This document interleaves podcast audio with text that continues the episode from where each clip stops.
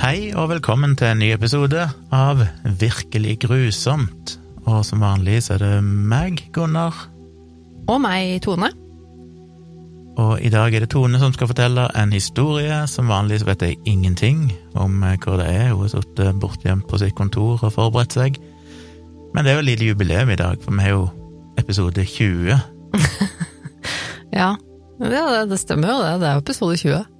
Det er et uh, rundt og fancy tall. Ja, rundt. Ikke så fancy, kanskje, men Det er verdt å nevne. det er nå i hvert fall gøy, da. 20 At, eh, historier vi kasta ut i Ja. verden. Og de som, eh, de som begynner å høre på oss nå, de har da 20 episoder å kose seg med som de kan ta igjen. Det er jo litt hyggelig for dem. Av veldig varierende art. Vi var innom veldig mye forskjellig. Ja. Men uh, ja. Eh, før vi begynner, bare minner dere på, sjekk ut eh, Facebook-sida vår, facebook.com slash virkelig grusomt, eller bare søk etter Virkelig grusomt inne på Facebook. Eh, følg gjerne den sida. Det er hyggelig bare for å ha dere med oss, og fordi dere kan få med dere ting vi poster der. Blant annet så poster vi jo episodene med linker og kildeanvisninger og sånn, som det kan være interessant å se på seinere hvis dere vil det. Mm. Er vi andreplasser? Nei. Ikke foreløpig, men vi har jo en mailadresse, ja. Vi har en mailadresse, den er uh, virkelig grusomt at gmail.com. Og der mottar vi uh, tips fra dere om, om ting vi uh, kanskje kan snakke om og fortelle om her, eller så mottar vi gjerne tilbakemeldinger og sånne ting. Det er egentlig bare kult å høre fra dere der ute, syns jeg. Ja, og da er jo spørsmålet, har du funnet historien din fra et tips i dag, eller har du bare kokt den sammen sjøl og dikta opp noe? Nei. Nei, det har jeg ikke. Jeg har ikke dikta opp noe. Det, det, er, det gjør vi ikke i denne podkasten. Her er det ikke noe oppdikting. Vi er ganske eh, Jeg syns jo det er en av de gode tingene med denne podkasten. Her kan det være mye grusomme fortellinger, men alt er jo faktiske hendelser. Um, nei, jeg, vet du, jeg glemte faktisk jeg, å sjekke ut uh, tipsinnboksen vår i dag, uh, så jeg gikk um, jeg gikk ut fra min egen lille liste, som jeg har skrevet opp eh, for meg selv av eh, små eh, tips, eh, ting jeg kan snakke om. Eh, så valgte jeg en av de, rett og slett. Og eh, dette er nok eh, Det er hovedsakelig én, eller litt sånn, ja, to kanskje da, hendelser eh, jeg skal snakke om i dag. Og det er eh, definitivt, eh, tror jeg, veldig, veldig, veldig sikkert at du har hørt om disse før. Eh, det er ganske kjente hendelser, eh, og det er Ehm, ikke, for å si sånn, det er ikke, en, det er ikke hverken første eller eneste gang dette har skjedd. Men ehm, før, før, før jeg begynner å liksom fortelle helt sånn eh, hva konkret det er snakk om her ehm, Du er ganske glad i musikk, Gunnar, ikke sant? Mm. Det kan jo trygt sies, på en måte. Du som er musiker, basically, og har drevet med musikk og du, Jeg føler det er veldig sånn lite særegent å si 'jeg er glad i musikk'. Jeg føler liksom Alle det er sånn alle er glad i musikk, eh, på en måte. Um, men, eh, men til forskjell fra meg, da, så er jo du også ganske glad i å gå på konsert og sånn, er du ikke det? Jo da, både òg, men ja, vi kan si det sånn. For, for i motsetning til meg, da, så jeg kan jo ikke fordra å gå på festival og konsert og sånn, det er jo Jeg blir så gammel jeg må ha sitteplass nå, ellers så klarer jeg ikke å nyte det. ja, men nei, det har aldri vært min greie, altså. Jeg, eh, jeg syns det blir for mye folk, jeg. Eh, jeg. Det er for mye, det er for mye folk og for mye bråk og styr. Jeg orker ikke det. Eh, Så, så de få gangene jeg har vært det og gå på konsert, så er det liksom et, et band som jeg kjenner godt, hvor jeg kjenner musikken, eh, som er litt sånn at dette, dette er jeg fan av, det må jeg få med meg en sjelden gang. Eller så det, det, Men festival kunne aldri falt meg inn å gå på, altså. Det er bare sånn det, det er så langt ifra ting som jeg ville drevet med frivillig. Hvis noen hadde spurt meg hei, vil du være med på den festivalen? Uh, nei. det hadde vært en ganske festival, tydelig svar. Så vi skal i dag til, et, eh, til to hendelser som eh, Vi kan begynne med den første. Vi skal altså til Danmark. Da er det kanskje ganske åpenbart hvilken festival det er snakk om. Selvfølgelig? Roskilde-festivalen. Eh, og nærmere sagt år 2000. Så du vet jo hva det er snakk om. Det er Pearl Jam, eller ikke? Det er Pearl Jam. Um, fordi Dette er jo eh, det som skjedde Vi skal gå gjennom det som skjedde uh, i, i Roskilde på Roskildefestivalen i år 2000, under Pearl Jam-konserten der. Det er jo uh, sikkert mange som har hørt den historien, og sikkert også en del som ikke har hørt om det. Jeg hadde faktisk ikke hørt om den hendelsen her før jeg hørte Hva var det jeg hørte på? Jeg lurer på om det var en eller annen podkast eller radioprogram, et eller annet jeg hørte på, jeg tror det var Kristoffer Schou, som var til stede på den festivalen eh, i 2000, hvor han fortalte om sin opplevelse. Uh, som var veldig interessant, og uh, før det så tror jeg egentlig ikke jeg hadde hørt noe særlig om det. Det kan godt hende jeg fikk det med men altså, i to, år 2000, jeg var liksom 11-12 år gammel, det falt meg ikke inn å liksom skulle følge med på sånne ting, ikke sant, så jeg, jeg tror ikke jeg liksom hadde hørt så mye om det før, jeg. Um, så, så, jeg syns jo det var litt interessant, og tenker at det er sikkert eh, noen andre der ute som også ikke har hørt om det. Og, men jeg syns likevel det er ganske interessant eh, holdt jeg på å si, fenomen å snakke om, da. For som sagt så er jo ikke dette verken første eller siste gangen eh, folk er dødd på konsert. Eh, men vi kan ta Roskilde her, fordi at eh, Bare litt sånn kort eh, for folk som er som, som, meg der ute, som ikke er så veldig glad i konserter og festivaler. Jeg er en sånn en, jeg. Uh, Roskildefestivalen er en årlig musikkfestival uh, som da foregår i Danmark. Det er litt sør for Roskilde, så den, uh, den heter jo noe annet første året, husker jeg ikke hva det var, men så ble den bare kalt Roskildefestivalen, for den ble kjøpt opp av en organisasjon som het Roskilde eller noe, et eller annet, bla, bla, bla. Det er ikke så viktig. Eh, men det er Nord-Europas største musikkfestival, faktisk. Eh, og første gangen den ble holdt, det var i 1971, så det begynner å bli en del år siden. Eh, og noe jeg også ikke visste om Roskilde, var jo at den er en sånn såkalt non-profit-festival, altså sånn for veldedighet. Så de samler inn penger for, til støtte for utvikling av musikk, kultur og humanisme. Mm. Uh, som jo er en fun fact. Um, musikken den er veldig variert. Det er jo ikke én sånn type musikk på Roskildefestivalen. De har masse forskjellige typer, både kjente og ikke så kjente, både band og artister som kommer og holder uh, konsert. Og så er det flere scener på dette festivalområdet. Um, scenene er uh, satt opp i sånne digre telt, Uh, hvor de, disse teltene da holder alt fra 1000 til 17 000 mennesker på det meste. Så det er, ganske, det er snakk om ganske svære teltet her. Og den hovedscenen, den er utendørs. Uh, det er jo der du, måte, de største headlinerne holder konsertene sine og sånn. Det er liksom på den hovedscenen, den er uh, utendørs og på, foran en stor slette. Og den står at den tar ca. 60 000 mennesker pluss. 60 000 mennesker, altså det er mange mennesker.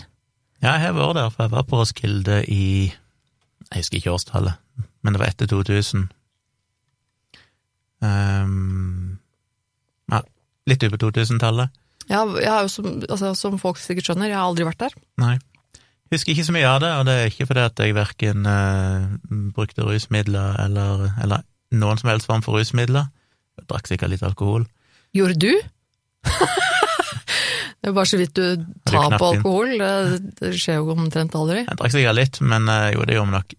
Men eh, jeg husker ikke så mye av det, rett og slett. Sånn, jeg har et vagt minne at jeg husker vi så Cold Cut, som er en av mine favorittartister, som er sånn DJ-er mm. i et lite telt. Ja. Jeg tror vi så Bob Dylan, det er en av det mest meningsløse jeg har sett. For det var okay. ikke an å kjenne igjen en eneste sang han spilte, og hørte ingenting av det han sang.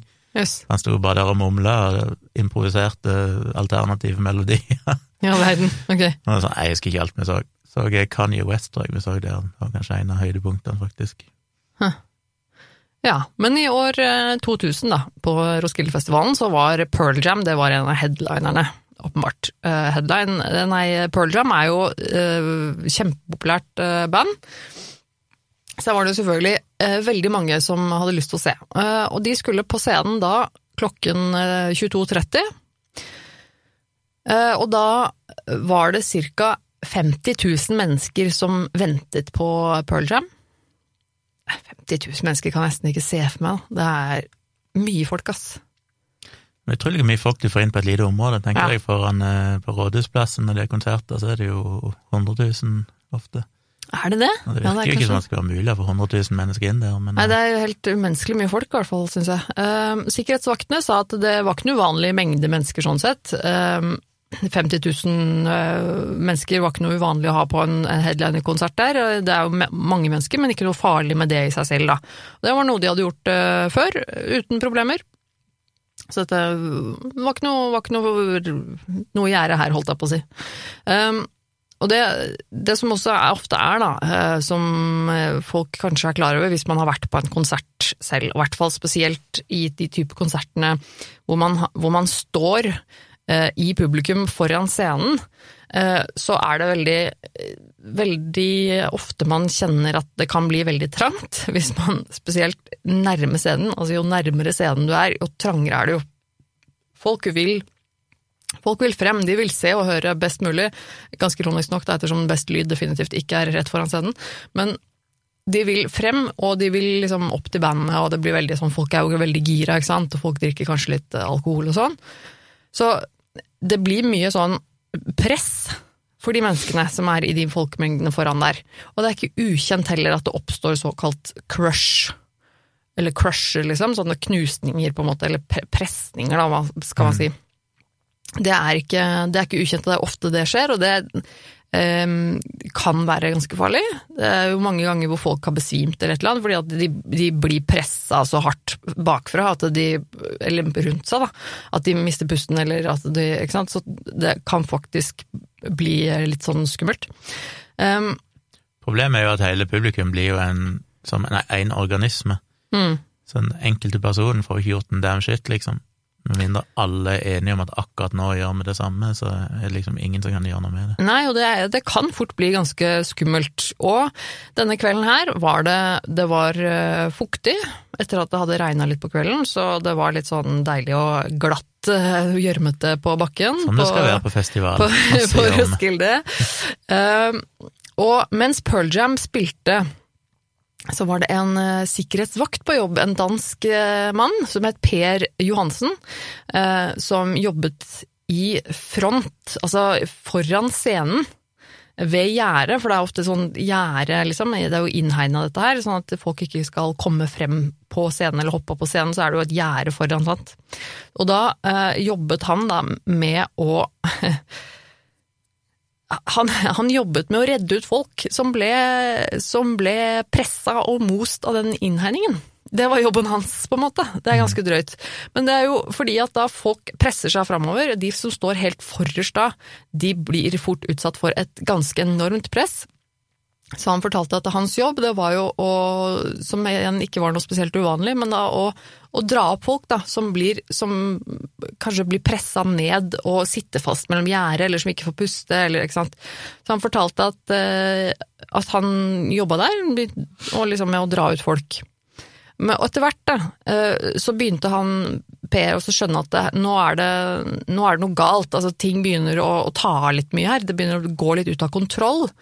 Eh, og han sa at det var noen jenter eh, foran eh, som satte seg fast, eller som ble liksom pressa fast foran, som de prøvde å dra ut for å, for å redde ut. De sleit med å få dem ut. og han sa at uh, der hvor de tidligere hadde liksom holdt at han eller én person da på en måte tar tak i en person og drar dem ut, eller opp eller vekk fra ut av gjerdet, liksom, så måtte de nå ha liksom to personer, og til og med to personer så, så sleit de med å liksom dra ut disse menneskene som hadde satt seg fast. De begynte å merke at oi, shit, nå, dette her begynner å bli voldsomt, da.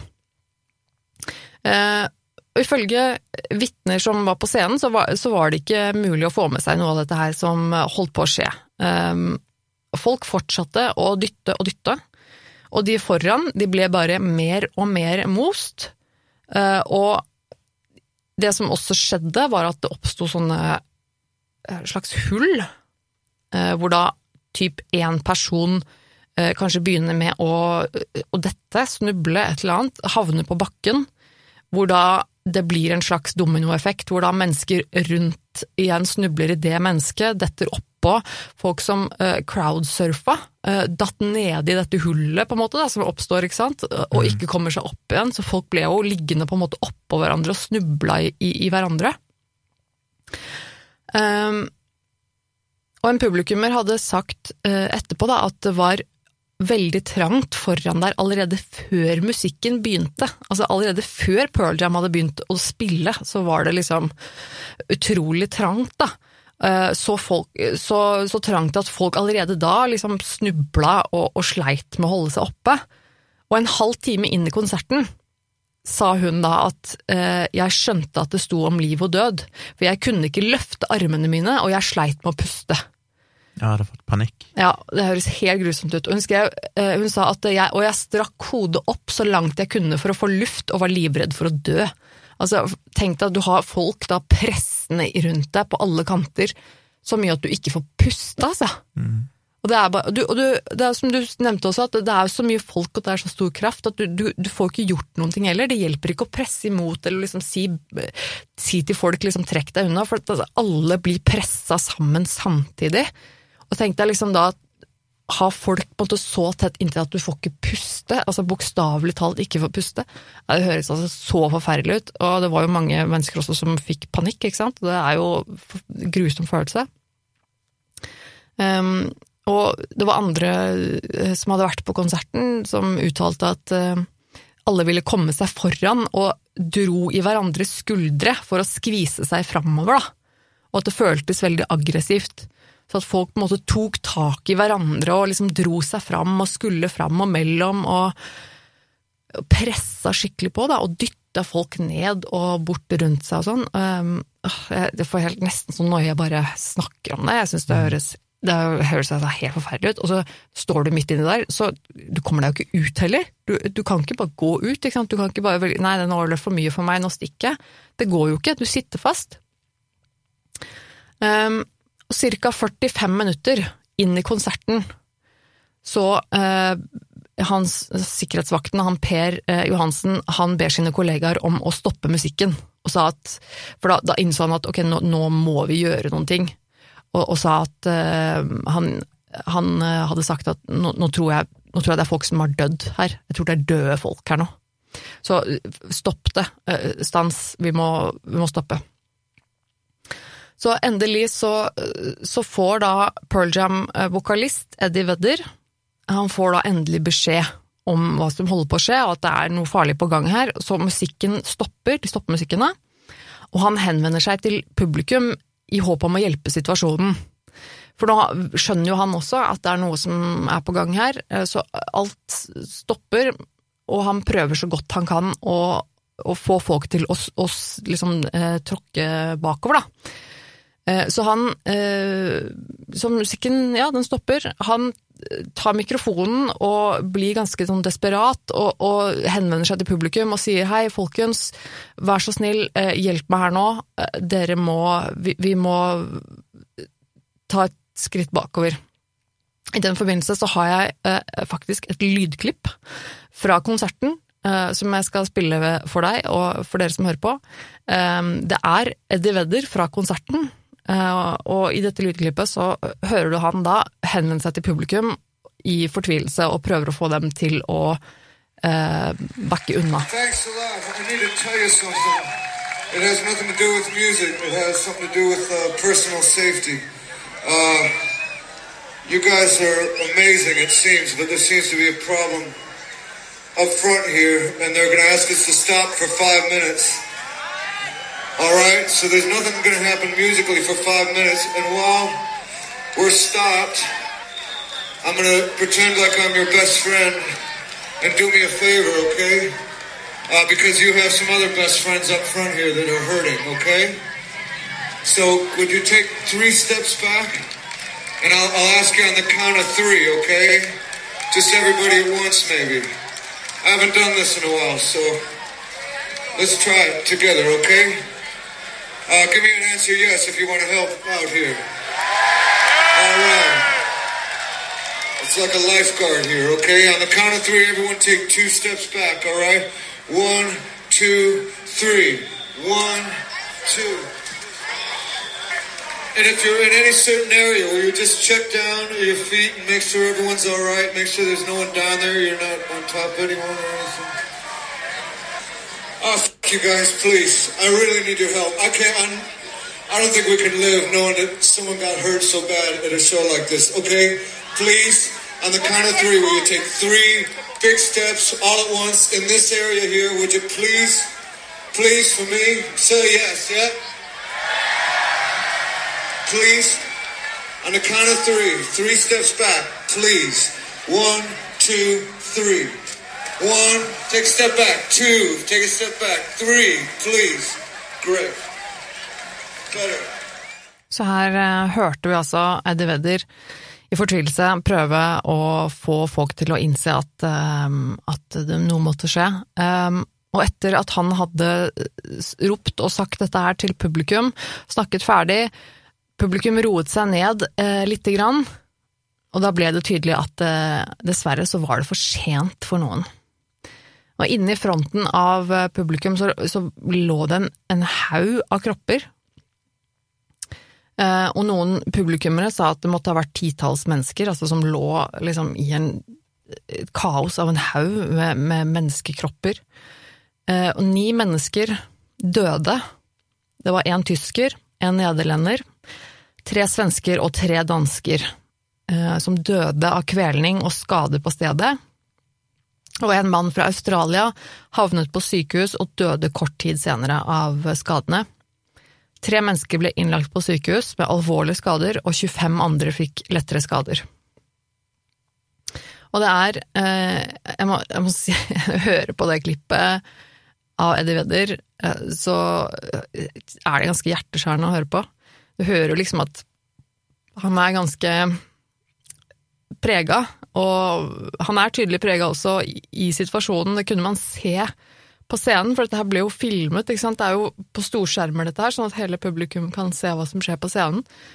Og han eh, han er veldig tydelig ute av seg da, og ble veldig lei seg og satte seg på huk og tok seg til ansiktet og gråt. Altså, det var øh, Og da, det var flere av publikum som, som sa at det var først da de egentlig innså alvoret i situasjonen. At når de så Eddie Vedder da, sette seg på scenen, han begynte å gråte og rive seg i håret, liksom, og bare herregud, herregud. Da begynte de å skjønne at ok, nå er det faktisk alvor. Um, tidlig dagen etter så kom det en uttalelse fra bandet. Men avbrøt de konserten da, forresten? Da fortsatte de på noe vis. Nei, uh, den konserten ble avlyst. Ja. Um, den, ja, altså den ble stoppet, og den fortsatte ikke etterpå. Uh, uttalelse fra bandet, den, den har jeg nå oversatt fra engelsk, uh, hvor de skriver Dette er veldig smertefullt. Jeg tror vi fortsatt venter på at noen skal vekke oss og si at dette bare var et grusomt mareritt. Og det finnes ingen ord som kan uttrykke vår sorg overfor foreldrene og familiene til de livene som ble mistet. Vi har foreløpig ikke fått rede på hva som skjedde nøyaktig, men det virket tilfeldig og urovekkende fort. Det gir ingen mening.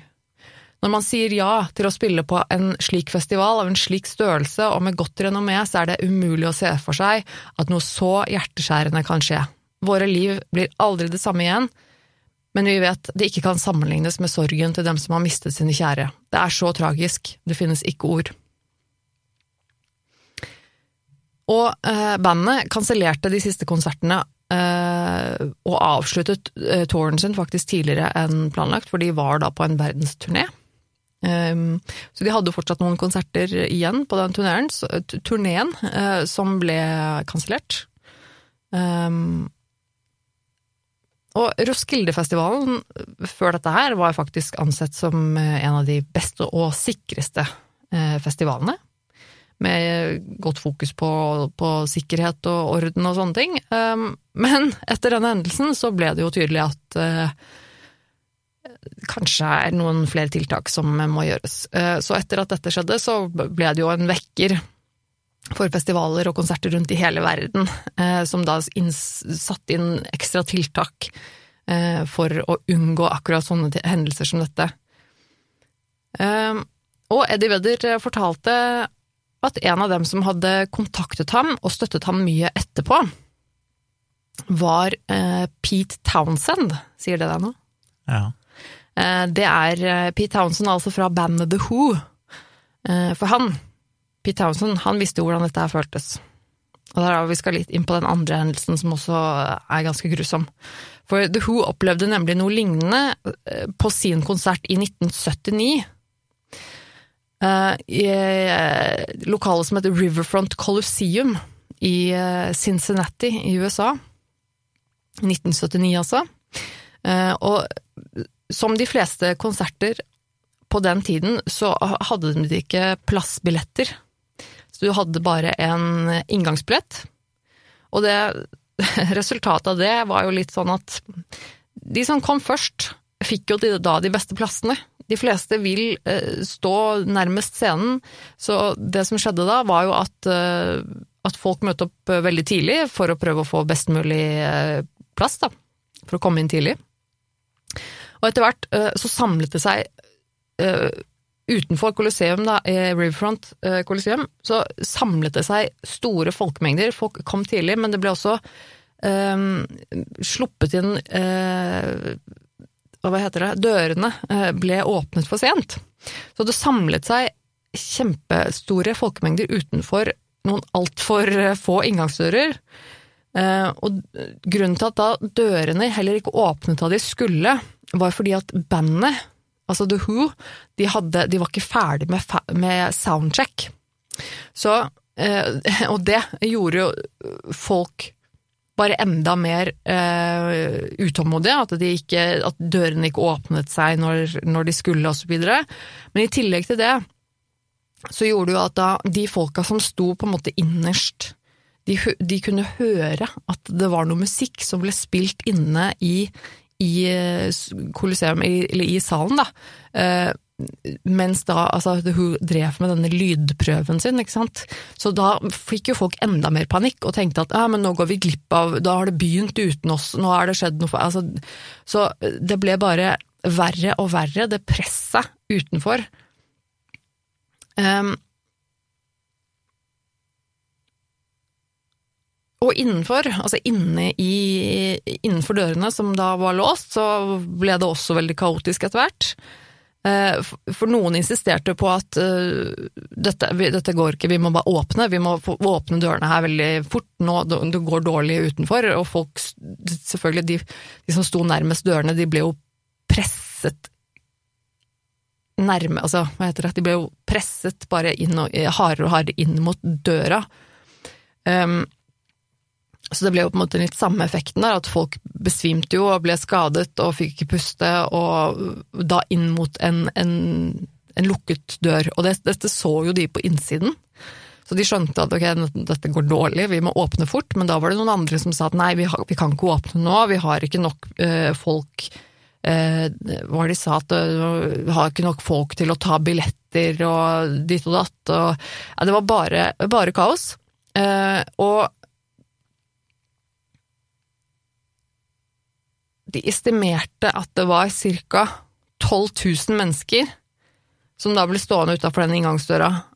Og det sier seg jo selv at det, det er ganske heftige krefter da det er snakk om her. Um, og da kan du tenke deg at når disse dørene da endelig åpnes, så blir det jo enda mer kaos. Fordi de som da sitter fast og er pressa opp mot dørene, når de åpner, så vil jo folk bare velte inn.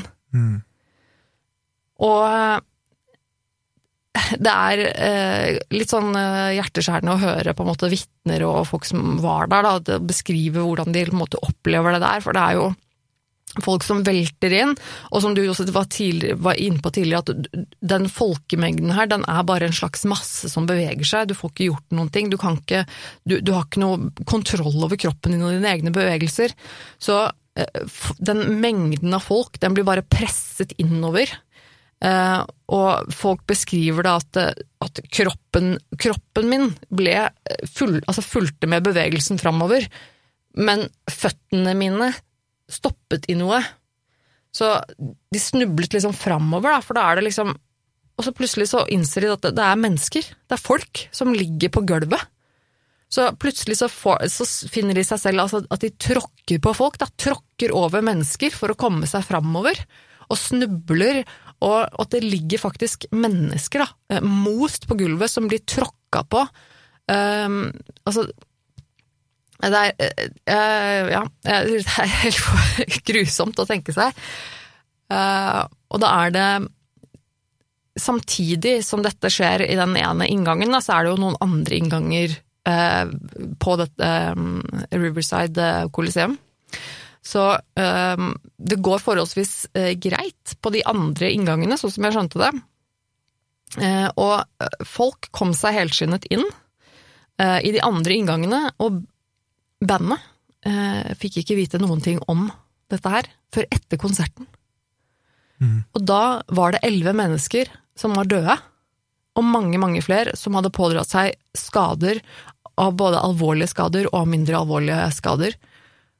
Og selvfølgelig The Who, da, altså bandet ble jo helt knust av dette her. Um, og jeg mener jeg så en han, Jeg husker ikke om det var Pete Townsend eller en av de andre i bandet som hadde uttalt at uh, de, de, beskjed, de, hadde spilt konserten, og så fikk de beskjed liksom etter at konserten var ferdig i gåsehøyne, altså før en encore, da.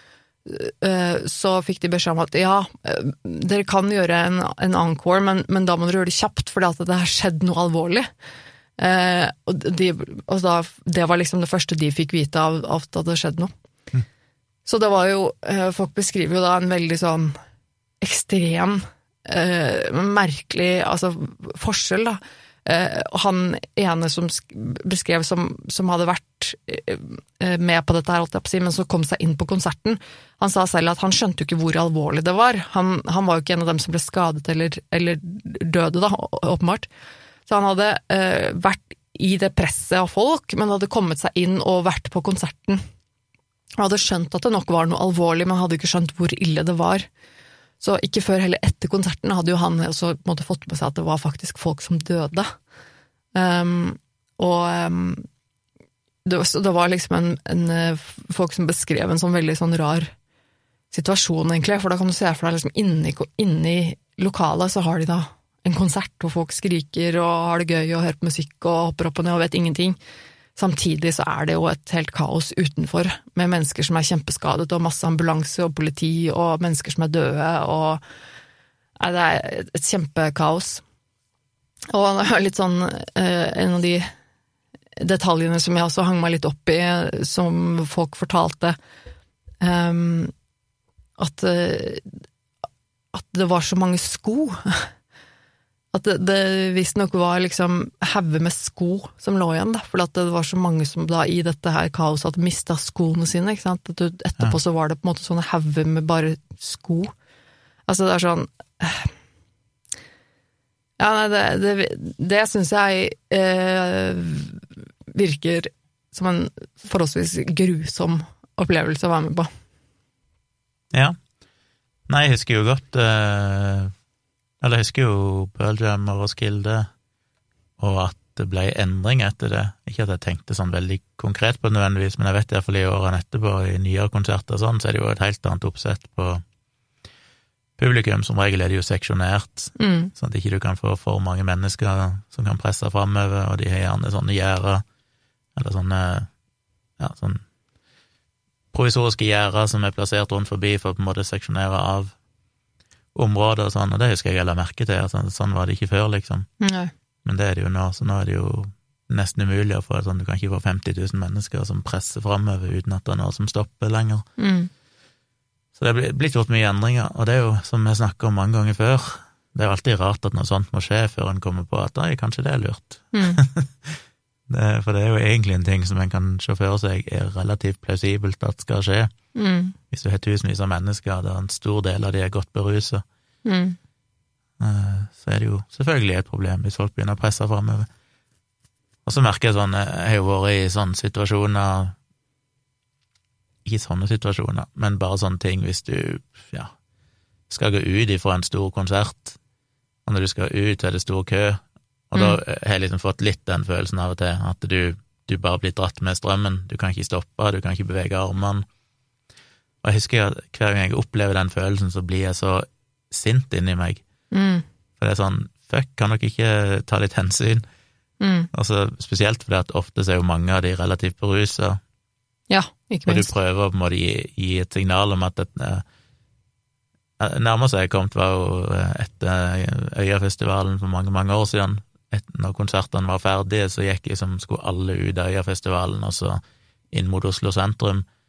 Og vi gikk langs veien der omtrent med operaen, og så plutselig så var det ei jente foran meg som bare datt i bakken og begynte å silblø. Mm. Vet ikke hva som skjedde med henne, hun bare liksom blacka ut, og så bare bom. Så vi måtte ta og dra ut av veien, for der kjørte de jo biler og sånn, og legger henne i, i eh, Hva heter det, stabilt sideleie. Mm. Og heldigvis var det noen medisinstudenter der som liksom tok seg av henne, og sånn, hun var bare helt vekke, og jeg var jo dekka av blod etterpå. Um, og da er jo det sånn, du prøver å gi, gjøre oppmerksom på at her har det skjedd noe alvorlig, Mm. men så er folk så berusa og glade og sånn, og det er jo forståelig, de vet jo ikke hva som har skjedd, men den der følelsen av at folk bare gir faen, Mm. og skjønner egentlig ikke at ok, her prøver vi faktisk, og kan dere være så snille å ta hensyn, liksom. Mm. Og det kan jeg jo se for meg i en sånn situasjon som Roskilde og Pearl Jam, at hvis noen merker hva som er i ferd med å skje, og prøver å gi signal, så er det bare masse fulle folk som bare ler og liksom ikke skjønner det i det hele tatt. Og den følelsen, selv om det på en måte ikke er deres feil, er så frustrerende og provoserende. Og så er det jo noe helt annet å stå bakerst enn det å stå forrest. Og de som, de som står bak, dytter nødvendigvis ikke så mye, ikke sant? De er bare glade og hopper opp og ned, de, og har det fint. Og så den lille, liksom Ja, det Lille det. dytten som de bak dytter, den, den vil jo doble seg framover, ikke sant. Så Det er jo ikke et kontinuerlig press heller, det er bare at hvis noen sånn beveger seg en centimeter fram, litt Mm. og litt, så vil jo nødvendigvis trykket framme bare bli større og større. Ja, og det er jo det som skjer over hele. Ja, og det er jo det, det, Den kraften da blir så enorm, da. Det er så utrolig mange kilo med press som blir bare dytta framover på de menneskene som står forrest. Og jeg tenker, jeg har jo opplevd det selv, altså ikke, ikke, ikke det, det er ikke så voldsomt, men jeg har jo vært på konsert noen ganger sjøl. Og også vært eh, på sånn type konsert hvor jeg står foran scenen, altså i, i publikum der hvor det er sånn område hvor folk står.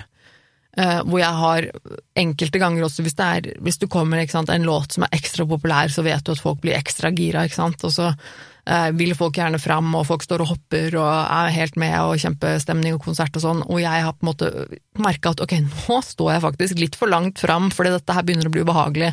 Og når folk er, når du har folk inntil deg, liksom på alle kanter, og du begynner å merke at ok, nå dytt, det blir litt sånn dytting og knuffing, og her er det på en måte du, får ikke, du kommer deg ikke unna. Den der følelsen der, den er ekstremt ekkel og veldig sånn klaustrofobisk, og i hvert fall hvis du på en måte ehm, Ja, og hvis du da liksom opplever det som ubehagelig, så er du på en måte, holdt jeg på å si, fucked, fordi at du, du kommer deg ingen vei, da.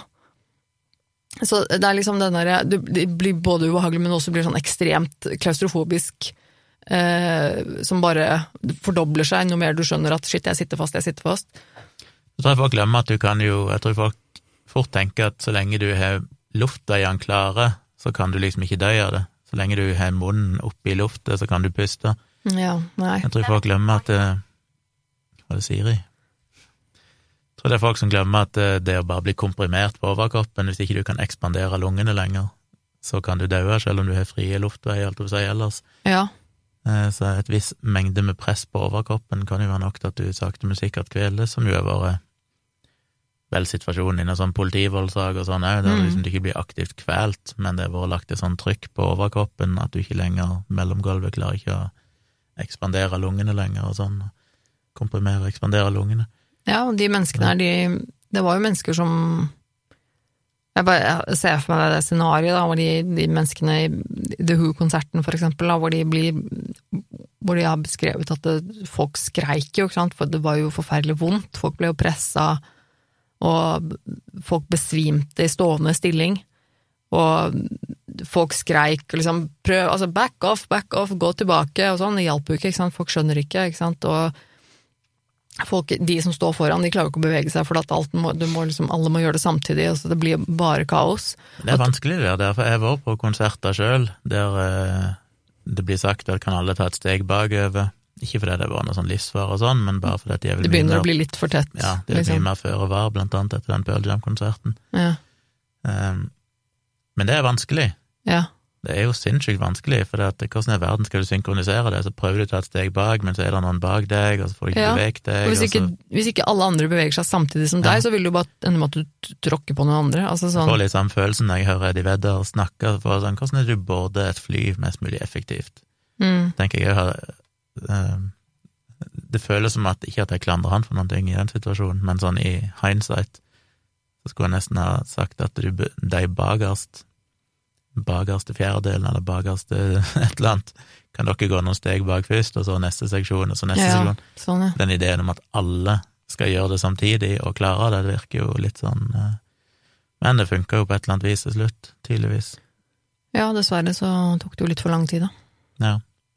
Men det, jeg, det tenkte de liksom, jeg tenker det må være en ganske grusom måte å dø på også, og måte ja bli, å bli knust eller presset så mye at du på en måte, du, du, du får ikke puste så mye at du besvimer. Ja, for først og, blir du sikkert liggende Ja, hvis du blir liggende på bakken i gjørma, Ja. så dette noen får folk opp på deg, så i begynnelsen så lever du sikkert ganske lenge, for du blir Ja. ikke nødvendigvis kvalt, men du sitter fortsatt fast. Ja, Og og så kommer det til et punkt der det blir flere og flere, og da begynner du faktisk å bli kvalt, men allikevel, Ja. du kan jo ha lang tid før det, da du bare får klaustrofobi fordi du klarer ikke å bevege deg. ja, og vond og smerter, ikke sant, Ja. Og folk også som ble skadet, da, så, fordi du blir jo du blir jo dyttet og albuet ned og tråkka på, ikke sant? Mm. bokstavelig talt. Altså, du ligger på bakken, og så er det folk som detter oppå deg, og som tråkker på deg, og, og? Så, du, så det var jo mange folk som ble veldig fysisk skada, og masse blod, ikke sant. Jeg tenker at i en sånn situasjon så det må jo være helt, eh, helt forferdelig å, være, å føle seg så hjelpeløs, da. Og bli liksom i bakken, og så blir du tråkka ned, og Nei, Men jeg blir jo skremt generelt sett, jeg har jo så lite tillit til Altså, folk Når folk er i flokk, ja. så er det ikke mye, da er det jo som dyr. Ja. Så bare det å gå på konsert i det hele tatt, hvor som helst, om det så er tusen mennesker inni på Rockefeller eller noe sånt, bare tanken på hvis det bryter ut brann nå, Mm. selv om det er nødutgang og alt, så vet jeg at folk går jo over i overlevelsesmodus som Mm. regel, og gir totalt faen. Og det er jo ikke sant at i en sånn situasjon, hvor mange som ofte blir drept bare fordi at folk vil ut, Mm. og gi faen i at eh, folk blir trampa på i nettopp sånne situasjoner. Ja. Og det er jo så utrolig frustrerende som gjør at jeg nesten ikke har lyst til å være på sånne plasser i det hele tatt med mye folk, for jeg vet bare at hvis det går galt, Så går det så kan du ikke stole på at noen klarer å oppføre seg rasjonelt og faktisk forholde seg til så mye, og i, tillegg da når mange ofte er berusa og sånn òg, så er det jo Ja, enda verre. det er synes... dritscary med store folkemengder. for Jeg syns det er hvor kjempesketchy sjøl. Jeg tenker liksom alltid på det. Hvis jeg er på store altså steder hvor det er mye mennesker samla på en gang, enten om det er liksom utendørs eller innendørs, eller om det er bare gå ned eh, Karl Johan på en lørdag eller på 17. mai. Altså det er sånn, jeg syns det er Jeg tenker alltid på det, at jeg syns det er litt noia. Og enten om du sier at liksom uh, om, er, om du skulle begynne å brenne eller hva det er, men jeg tenker jo også sånn Jeg har liksom uh, paranoia på det der, da, men det er sånn men, uh, Det å samle så mange mennesker på ett sted, jeg tenker sånn, det er jo et perfekt terrormål. Ja, liksom, det, det dummeste du kan gjøre, jeg får bare sånn følelse med en gang at her vil ikke jeg være, for at den følelsen av fare blir så stor for meg med en gang. Da. Ikke bare, altså, men bare sånn generelt, da, for det er så mye, mye det, skal, på en måte, det føles som det skal så lite til før det er noe som kan gå så galt, på en måte. Når det er så mange mennesker som er så tett, så klarer ikke jeg å Jeg syns det er litt sketsjy, ja. Og jeg er jo ikke en person som som regel, veldig sjelden, så har jeg vært langt framme på konserter. Eh, Det har hendt av og til hvis det er litt sånn mindre, og det er ikke så sinnssykt mye folk. Mm. Men stort sett så liker jeg å stå ganske langt bak. Normalt, hvis jeg kan, så plasserer jeg meg jo alltid rett foran miksebordet. ja. Både fordi jeg antar at det kanskje er best lyd der, men fordi jeg, det er så mye mer komfortabelt hvis du må stå, hvis jeg har et gjerde, og enten bak meg eller foran meg eller på sida av meg. Mm. For du har ei, side iallfall som er beskytta ifra folk. Mm. Um, så jeg pleier alltid stå og henge der, ellers helt bakerst i salen. For jeg liker liksom å være utenfor trengselen og bare kunne ha en vegg eller et eller annet inntil meg. Mm. Og der føler jeg meg tryggere òg, så hvis det skulle skje noe, så er jeg iallfall ikke midt i det verste. Og, og, og den der eh, varmen også. Det er når, du, når du står i, midt i en crowd med mennesker, hvor varmt det blir. Altså all den eh, pustinga fra folk rundt deg, og kroppsvarmen, ikke sant. Det, der, det er også noen som snakkes om i flere av de videoene jeg har sett på med mennesker som har vært med på disse altså, Det der med at, eh, at får, det er også en grunn til at du ikke får puste, da, for at det, er ikke noe, det er ikke noe luft. Du blir litt sånn, det er bare CO2 holdt jeg på å si, rundt deg. Det er så varmt, og du får ikke Nei, det er sånn, sånn åh, det er så ekkelt. Det er sånn derre Ja, Ja. og etter vi var gjennom et år med smittevern og lockdown og alt mulig rart. Det er enda eklere. Ja, det som jeg sa i en av eh, en eller annen anledning, at det, det er rart å tenke på nå, og, og at høsten eller neste år eller sånn, gå på en konsert uten munnbind. Nå kommer jeg til å være så fokusert på det, bare at herregud, tenk for noen skyer av basiller vi alle er. Ja. Det er nesten sånn, skal jeg virkelig gå inn i, en, i et rom med tusen andre mennesker og puste den lufta? Nei takk. Så på grusomhetsskalaen, vi må nesten eh, dit. Hvor, eh, hvor vil du plassere dette på grusomhetsskalaen 1 til 10? Eh, jeg får jo litt samme følelsen Det er det klaustrofobi skårer jo høyt hos meg. Det er litt som med den eh, han som var fanga i den grotta. Ja. Eh, Følelsen for de som lå fast, og eh, selv om de overlevde eller endte opp med å dø, er jo helt grusom. Og det er en sånn en ting jeg kan identifisere meg med, for alle har sannsynligvis på et eller annet tidspunkt kjent på noe sånt. Mm. Jeg har jo opplevd bare sånn at for kødd så plutselig er det fire-fem venner som kaster seg over meg da jeg var yngre, og lar Mm. seg oppå meg, og så klarer du ikke å bevege deg unna. Ja, det er Og så prøver du liksom å le og late som du syns det er gøy, men egentlig så er du panikk, for du vil ut. Mm. Men så skjønner de ikke at du egentlig har panikk, så de bare ler og fortsetter, og så får du helt forbi. Og så bare den følelsen, selv om man ikke er relaterbar sånn sett, anten at det, det er en forferdelig følelse, Mm. syns jeg er grusom. Og selvfølgelig så er det Ja, jeg vet jo hvor mye de gikk inn på Pearl Jam og sånn, jeg har Mm. sett intervjuer, og det er jo forferdelig å være når du skal ut og målet ditt er å gjøre livet til folk bedre gjennom musikk, og så ender du opp med at folk dør. Ja, og Det eh, liten fun fact der, jeg kan jo også nevne at eh, Pearl Jam eh, dedikerte sangen Loveboat Captain til de ni som mista livet i Ro- Roskilde-festivalen 2000.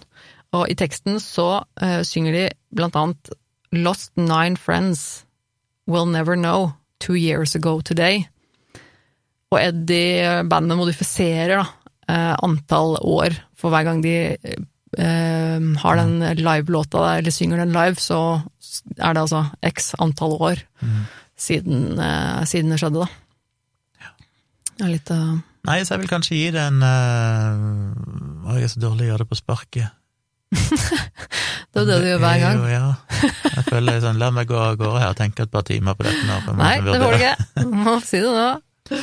Nei, jeg, jeg, la meg gi det en, eh, en seks på grusomhetsskalaen. Ok. Ja. Ok. Jeg, jeg hadde kanskje gitt Jeg hadde gått på en sju, tror jeg. Ja, jeg er ikke fremmed for en sju heller, men Men det som modifiserer, eller det som trekker det nedover, er jo bare at dette var ikke noe onde handlinger, og det var liksom ikke noe sånn Det var på en måte Mm. bare menneskers uhell. idioti og uhell og alt mulig samla i Ja. en forferdelig utfall. Yes. Og som med alle flyulykkene vi snakker om, så fører jo sånne hendelser heldigvis til mer sikkerhet og tryggere omgivelser i framtida. Ja. Skal en finne en silver lining med sånne tragedier. Absolutt. Så det var din historie i dag. Takk for Det den, var, Tone. eh, det var ukas. Eller to ukas. historier. Mhm. Jeg hadde jo hørt om Roskilde, hadde vel egentlig ikke hørt om eh, The Who, selv om jeg har lest om det tidligere, at, eh, at jeg, har- ja, hørt om det, at Pete Townsend og The Who har vært involvert i noe sånt, og at han hadde kontakt med Eddie Vedder. Ja. Men jeg har vel egentlig aldri fått med meg hva som faktisk skjedde med The Who. Det var andre situasjoner òg.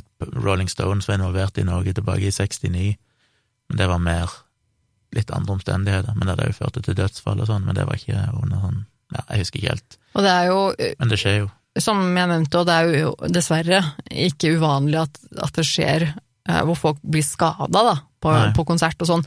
Og det, jeg så eh, noen av videoene jeg så i dag når jeg researcha dette, så var jo blant annet Eddie Vedder som fortalte at det var jo litt av grunnen også til å, øh, at det var så vanskelig å skjønne alvoret i det, fordi at de har jo, øh, som sikkert mange andre band også, måttet stoppe konserten flere ganger, ikke sant, og tatt en pause for å liksom, hei, nå er det noe som skjer foran her, kan vi Ja, må så opp litt, ikke sant. Ja, det er det lenge siden jeg ikke har gjort dette sånn. Ja. Og at det, at det at man på en måte må eh, redde folk fram foran, foran, er jo heller ikke uvanlig Nei, nei. på, på sånne konserter. Det er jo masse klipp av det. Ja, sånn at, eh, så, så det er jo dessverre ganske vanlig at folk på en måte får seg en trøkk ofte på sånne, sånne situasjoner, men det er jo bare utrolig tragisk at det er så mange mennesker som faktisk dør når Ja. sånt noe skjer. Da. Men det er, eh, det, det, er, det er farlig å gå på konsert, folkens! Hold dere langt bak og bytt ytterkantene, eller ved et gjerde Oppfør dere ordentlig, og ikke drikk så mye, vil jeg si, egentlig. Ikke et gjerde foran deg og tusenvis av mennesker bak, men Ja. et gjerde bak deg, eller på sida, eller hva som helst. Og ta hensyn til hverandre, ikke press på, Ja. og ikke drikk for mye. Det er eh, det, det, kan, det kan bli skummelt for enkelte, og det er litt noe med at eh, ja, man må ta litt hensyn til hverandre, tenker jeg, og at det er, det er eh, Folk er forskjellige og på hvor mye de syns er gøy, og, og hvor mye man orker, så det prøv å ta litt hensyn. Ja, greia er jo at når du har mange mennesker samla, så øker jo på en måte idiotien med antall mennesker. Ja, sverre søren jo det. Og det sier jeg ikke fordi at jeg mener det gjelder jo meg òg, og alle. Ja, Det er bare sånn det. Du kan, så lenge du ikke kan synkronisere gode intensjoner, så vil ting bli dårlig i sum. Mm, Så én ting er hva den enkelte konsertdeltaker vil, men til syvende og sist er det jo systemet som må ta høyde for at eh, menneskemengder er idiotiske. Det gjør det jo heldigvis i større grad nå, med barrierer og kanal, ja, atskilte soner og sånne ting. Men ja, det var din historie. Eh, da håper jeg dere satte pris på det. Ja, Eh, jeg håper dere syns det var interessant. Ja, ja, jeg har noen linker. eh, Noen linker, eh, ikke noe sånn veldig spektakulært. Det, finnes mye på YouTube og på nettet, artikler og alt mulig av begge disse hendelsene her, og andre ting også, så det er ikke noe vanskelig å finne. Men jeg har lagt med noen enkle eh, linker eh, i shownotes i episoden, hvis det er noen som vil, vil sjekke det ut. Så jeg håper folk syns det var interessant. og... hvis det er noen av dere der ute som tenker at det er andre ting som vi burde snakke om her i podkasten, så send oss gjerne en mail på virkeliggrusomt at gmail.com. Ja. Og så er vi tilbake igjen om ei uke med en ny grusom historie. Da er det du som skal fortelle om noe grusomt, Gunnar. Jeg gleder meg. Vi høres igjen om en uke. Takk for at du hørte på. Ha det.